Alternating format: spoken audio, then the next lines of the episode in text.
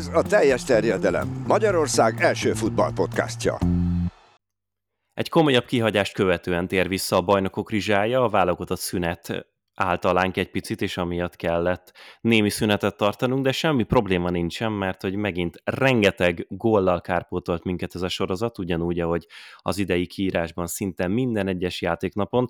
Haraszti Ádi lesz majd az, aki itt a segítségemre lesz a mai mérkőzéseknek a kibeszélésében, és én ennél nagyon tovább nem is vezetném be az egészet. Elérkeztünk arra pontjára a bajnokok ligájának, amikor a csoportkörben már nagyon szépen körvonalazódnak a dolgok, dráma is van, amilyen mértékben csak lehet, mert van, aki már kiesett, van, aki nagyon rosszul járt ahhoz képest, mint ahogy elindította ezt a játéknapot, és hát hol máshol kezdhetnénk ezt az egészet, mint az F csoportban, a halálcsoportban, ami attól függetlenül, hogy szerintem ez a halálcsoport kifejezés eléggé ilyen frázis-szerű dolog, hát nem okoz csalódást. Én azt mondom, hogy gyorsan menjünk végig a Milán-Dortmund mérkőzésen, és akkor utána az igazi püspök falat az megmarad a végére, az a meccs, amit Ádi közvetített. A Milán nagyon jól elkezdette volna ezt a meccset, mert hogy Giroud a hatodik percben 11-est lőhetett, ami végül kimaradt, a tizedik percben aztán Rajz belőtt egy másikat, és ugyan Csukva ezzel végül kiegyenlített az első játékrész végén, és alapvetően inkább a Milán irányított, illetve kontrollálta a, a labdát. A Dortmund aztán a második félidőben hozta az idei BL formáját, és hát elég szerencsésen lőttek két gólt, előbb Bino Gittens, aztán Adayemi révén, és végül három egyre nyertek a San Siro-ban idegenben, ami nagyon-nagyon kellemetlen a milánóiak szempontjából, mert hogy úgy mentek neki ennek a meccsnek, hogy a Milán azért küzdött, hogy még egyáltalán komoly esélye maradhasson a továbbjutás irányába, a Dortmund pedig azért, hogy egyértelműsítse azt, hogy ők itt tovább fognak menni, na hát az utóbbi élt, de hogy mi történt a csoportban a másik két csapattal, azt Ádi, én nekem meséld el, mert hogy egyrészt már beültem, amikor egy egyenlítés történt a meccs leges legvégén. Az idei ősszel hozod a formádat, és az utolsó perces gólok azok természetesen érkeznek a, a részedről, de én elmondok egy statisztikai sort, aztán utána tényleg átadom a sort. 4,47-es kialakított várható gólszám, 31 lövés, 9 nagy helyzet, ebből 8 kihagyott. Ezt sikerült a PSG-nek összehoznia. Mi a fészkes fene történt? Ugye azt mondtad, hogy nagyon gólgazdag volt ez az este, pont azt nézegettem, hogy sikerült a játéknap két legkevésbé gólgazdag mérkőzését kifognom, mert a másik meccs, amit még itt étvágygerjesztőként közvetítettem, ugye a koresti programból az a Shakhtar Antwerpen 1 0 mérkőzés volt, arra is visszatérünk majd nyilván a későbbiekben. Ez a PSG Newcastle meccs meg az első fél időben szerintem abszolút azt hozta, amit vártunk tőle alapvetően. Aztán azzal, hogy a Newcastle megszerezte a vezetést, elég egyértelmű volt az is, hogy mi lesz a forgatókönyve a második félidőnek. Az első játékrét még úgy nagyjából kiegyenlített volt, ott is azért a Paris Saint-Germainnek voltak nagyobb helyzetei. Volt egy komoly szansz igazából a newcastle a gólszerzésre, azt Alexander Isak kihasználta, és egyébként meg teljesen azt nem mondom, hogy kikapcsolták a Paris Saint-Germain támadó játékát, mert adottak lehetősége a francia csapatnak, de Popnak olyan hatalmas bravúr talán egyet kellett bemutatnia az első félidőben, de ott is egy ilyen guruló, döcögő labdát kellett kitolnia a kapuja elől. A második félidő azért már más volt ebből a szempontból, ha már itt soroltad ugye a PSG statisztikáit, tényleg nagyobbnál nagyobb helyzetei voltak, főleg hogyan közeledett a mérkőzés vége a Paris Saint-Germainnek. Ugye az utolsó percekre már lehozta Danilót is a védelemből Luis Enrique, bejött Gonzalo Ramos, ben volt már Asensio, Vitinha, Bradley Barcola, ő a legérdekesebb egyébként ebből a szempontból. Egyrészt azért, mert Kolombuánit váltott, ami kicsit nyilván furcsán hangzik, de közben meg rengeteg helyzete volt. Négy hatalmas helyzete volt Bradley Barcolának legalább hirtelen, amit így fel tudok idézni. Tényleg nagyobbnál nagyobbak volt, hogy a kaput sem tudta eltalálni szegény három centiről, úgyhogy nagyon sokáig úgy tűnt, hogy az igate világon semmi nem fog összejönni ezen az estén a Paris Saint-Germainnek. Hát aztán a 97. percben meg kaptak egy olyan 11-est, amit megmondom őszintén elég nehezen tudok hová tenni. Az angol kommentátor páros, illetve az angol skót kommentátor páros Darren Fletcher és Ellie McCoy-tal eléggé ki volt akadva azon, hogy tulajdonképpen úgy kapott 11-est a Paris Saint-Germain, hogy Tino Livramento hasáról pattant fel a könyökére a labda, hogy mozgott volna a keze fel, vagy bármiféle szándéka lett volna arra, hogy kézzel érjen a labdába, azt nyilván nem lehet mondani. Nyilván persze meghosszabbította a testét, most erről beszélhetünk ezzel kapcsolatban. Az egészen biztos, hogy tényleg nagyon keményen be kell tulajdonképpen már a második fél idő nagy részében a Newcastle. Hiába voltak azonban tényleg nagyobbnál nagyobb helyzetei a Paris Saint-Germainnek, egyiket sem tudtak kihasználni, aztán ebből a 11-esből végül is sikerült az egyenlítés a számukra, ami azt jelenti, hogy azért van még reménye persze, hogy a Newcastle-nek is a továbbjutásra, meg a Milánnak is nagyon érdekes lesz ebből a szempontból, viszont az utolsó forduló, mert ugye a PSG megy majd ahhoz a Dortmund, az amelyiknek ugye semmiféle tétje nincsen már a továbbjutás szempontjából annak a mérkőzésnek, tehát hogyha ott a PSG nyeri azt a meccset, akkor ugye nekik simán megvan a továbbítás, és akkor tök mindegy, hogy mi történik a Milán és a Dortmund meccsén majd a másik párosításban, úgyhogy vagy a Milan és a Newcastle meccsén a másik párosításban, úgyhogy lehet, hogy ez a két csapat tulajdonképpen már most kiesett. Lehet, de az biztos, hogy szerintem még tartogat itt ez a csoport. Tehát, hogyha van még olyan kvartett az idei ősszel, ahol el tudom képzelni, hogy valami utolsó másodperces dráma be fog futni, akkor azt szerintem ez az tényleg nagyon érdekes, hogy a Dortmund és a PSG gyakorlatilag kéz a kézben tovább sétálhatna, de hát szegény Milán szurkolókat én nagyon sajnálom, mert hogyha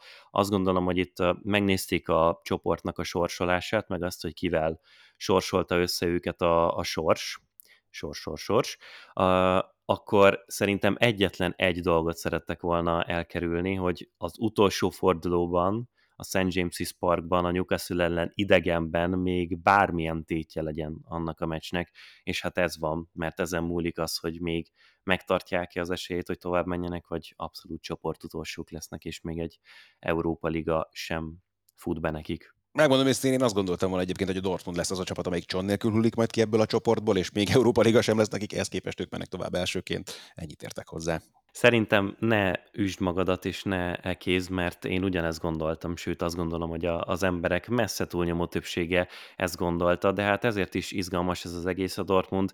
Nagyon-nagyon-nagyon távol van a meggyőzőtől a Bundesligában az idei uh, idén során, ennek ellenére simán lehet, hogy megnyerik a teljesen jogosan legnehezebbnek nevezett bajnokok ligája csoportot.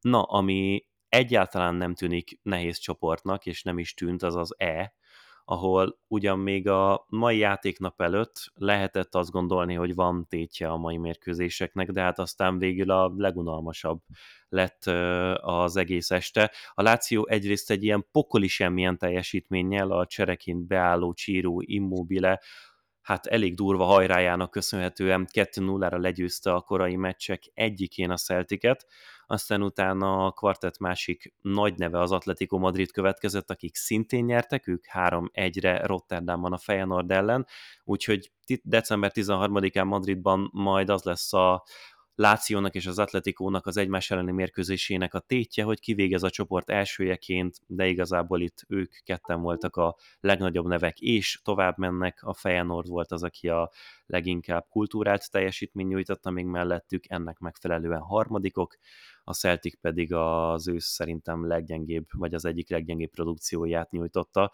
úgyhogy ennek megfelelően megérdemelt az utolsó hely. Szerintem erre a csoportra ne is vesztegessünk több szót. A G csoport az, ami még egy picit hasonlóképpen alakult. Ott egyrészt a Young Boys 2-0-ra verte a Trena Zvezdát, ez szimplán annyit jelent, hogy a Young Boys lesz majd az, aki tovább mehet itt a továbbiakban tavasszal az Európai Kupaporondon. Viszont a Manchester City Leipzig az végeredményében semmi izgalmat nem hozott, ellenben az, ahogyan kialakult az egész úgy, hogy a Leipzig még 2-0-ra vezetett a félidőben, az egészen elképesztő volt, és, és nagyon izgalmas.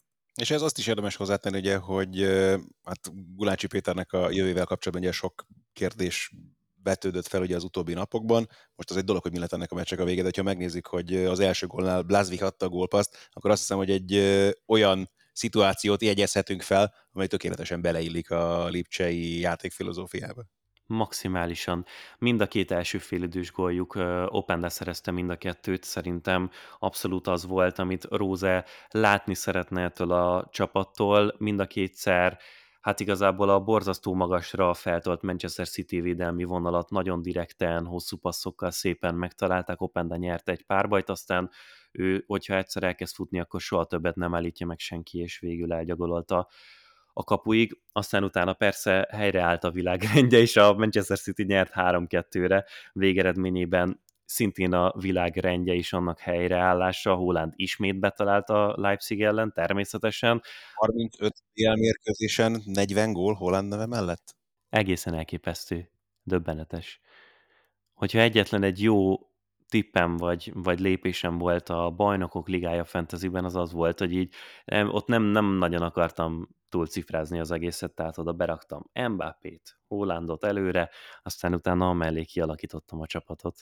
Nekem egy jó lépésem a bajnokok ligája fantasyvel kapcsolatban az, hogy nem regisztráltam. Majd te leszel az, aki a soron következő a Best League Fantasy-ben a héten, úgyhogy ott elmondhatod, hogy miért gondolsz így a fantasy az elmúlt hetekben. Úgyhogy összefoglalva tényleg az a lényege, hogy itt a Manchester City tök egyértelműen megnyerte már a csoportot, és hát ez az a csoport, ahol semmi sem történhet az utolsó körben, ott két abszolút tét nélküli meccset fognak lejátszani a csapatok. Ahol viszont még azért történhet egy más, az az utolsó mai kvartettünk, ami a H jelet viseli, és hát ahogyan azt már említetted itt, te kaptad meg a korai találkozót, ami a Shakhtar Donetsk és a Royal Antwerp között játszódott le.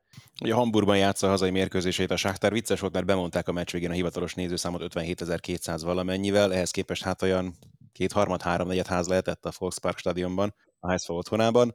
Azon gondolkozom, vagy ezt mondtam itt a meccs közben is, hogy lehet, hogy itt ugye bérletes módszerrel adták el egyeket, aztán aki kíváncsi volt a Barszára meg a Portóra, bár nem biztos, hogy annyira érdeklődött az Antwerp elleni mérkőzéssel kapcsolatban. A meccs úgy kezdődött, hogy egyébként egy hazai pályájátszó csapatnak játszania kell, azt gondolom a bajnokok ligájában, viszonylag hamar megszerezte a vezetést a Sáktár Matvienko góljával, egy szabadrugás után Zubkov tekert egyébként középre, hogy a korábbi Fradi szélső a labdát, amiből Matvienko a kapuba fejelt, aztán magára talált az Antwerpen, és gyakorlatilag onnan kezdve ők próbálták irányítani a játékot, inkább kisebb, mint nagyobb hatékonysággal, de ugye az első félidő második fel az alapvetően belga próbálkozásokról szólt, a második félidő már egy fokkal kevésbé, próbálkozott azért továbbra is az Antwerpen, meg cserélgetett a csapatán Fanbommel, próbálta finomítgatni a dolgokat, de igazából olyan nagyon közel az egyenlítéshez nem sikerült jutniuk ezen a mérkőzésen, hát azért itt is nagyon hosszú volt, ugye komoly ráadás volt még a meccs végén, a 97. percben osztott még ki sárgalapot a játékvezető, de azt gondolom, hogy alapvetően megérdemelten nyert. A Sáktár bármivel is próbálkozott, az Antwerpen az égate világon semmi nem akart összejönni nekik, úgyhogy még azt sem kizárt, hogy ugye pont nélkül fogják zárni majd ezt az idei bajnokok ligája szezont, és hát látva mondjuk a mai teljesítményüket,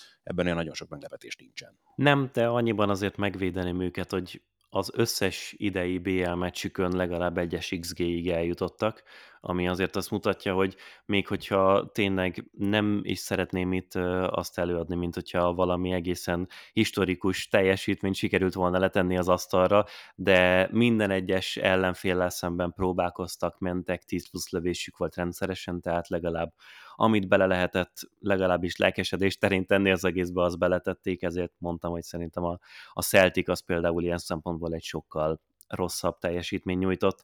Az nagyon érdekes egyébként, hogy a Shakhtar két első félidős gólt követően attól függetlenül, hogy ugye nem ekte hazai pályán játszanak, de a Barcelona ellen és itt is most is állták a második félidő rohamjait, és meg tudták tartani ezt az előnyt, úgyhogy ennek köszönhetően lesz majd az, hogy az utolsó körben megküzdhetnek azért, hogy a Porto vagy ők mennek tovább a BL kieséses szakaszába. Még lehet historikus a teljesítménye majd az Antwerpennek itt a bélben, mert ugye jelen pillanatban 3-15 a gól különbsége a belga csapatnak, és az utolsó fordulóban ugye úgy fogadják majd a Barcelonát, hogy van tétje a Barcelona számára annak a mérkőzésnek, úgyhogy itt még lehet, hogy negatív gólcsúcsot fognak beállítani a belgák, hát meglátjuk majd, hogy mire mennek a Barszával szemben. Arra nagyon kíváncsi leszek, mert hogy a Barszának a mai meccsét azt elég nehéz lenne újfent teljes mértékben meggyőzőnek mondani, megérdemelten nyertek, tehát ezt rögtön szeretném is kijelenteni, rengeteg helyzetük volt végeredményében, de hát azért a Porto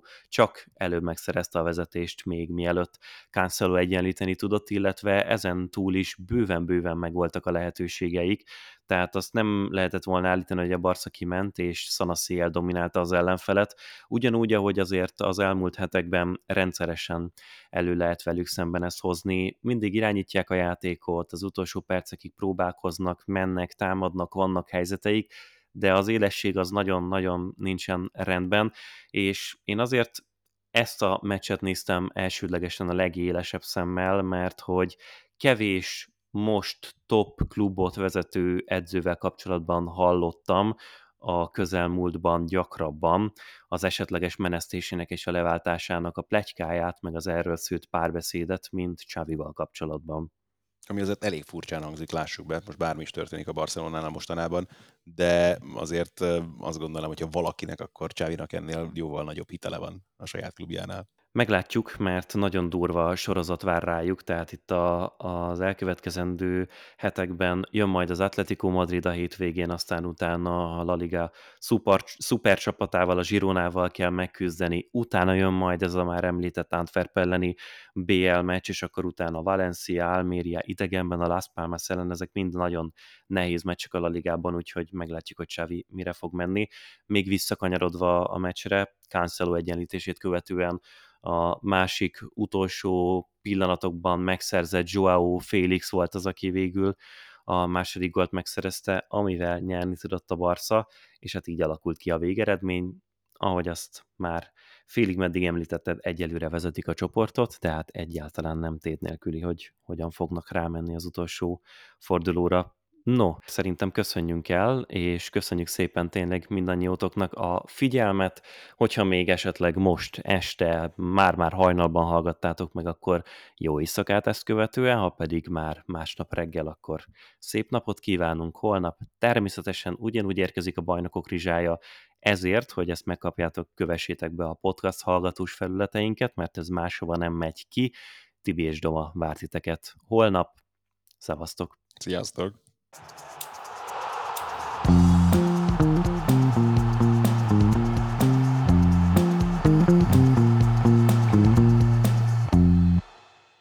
Ha más podcastekre is kíváncsi vagy, hallgassd meg a Béton műsor ajánlóját.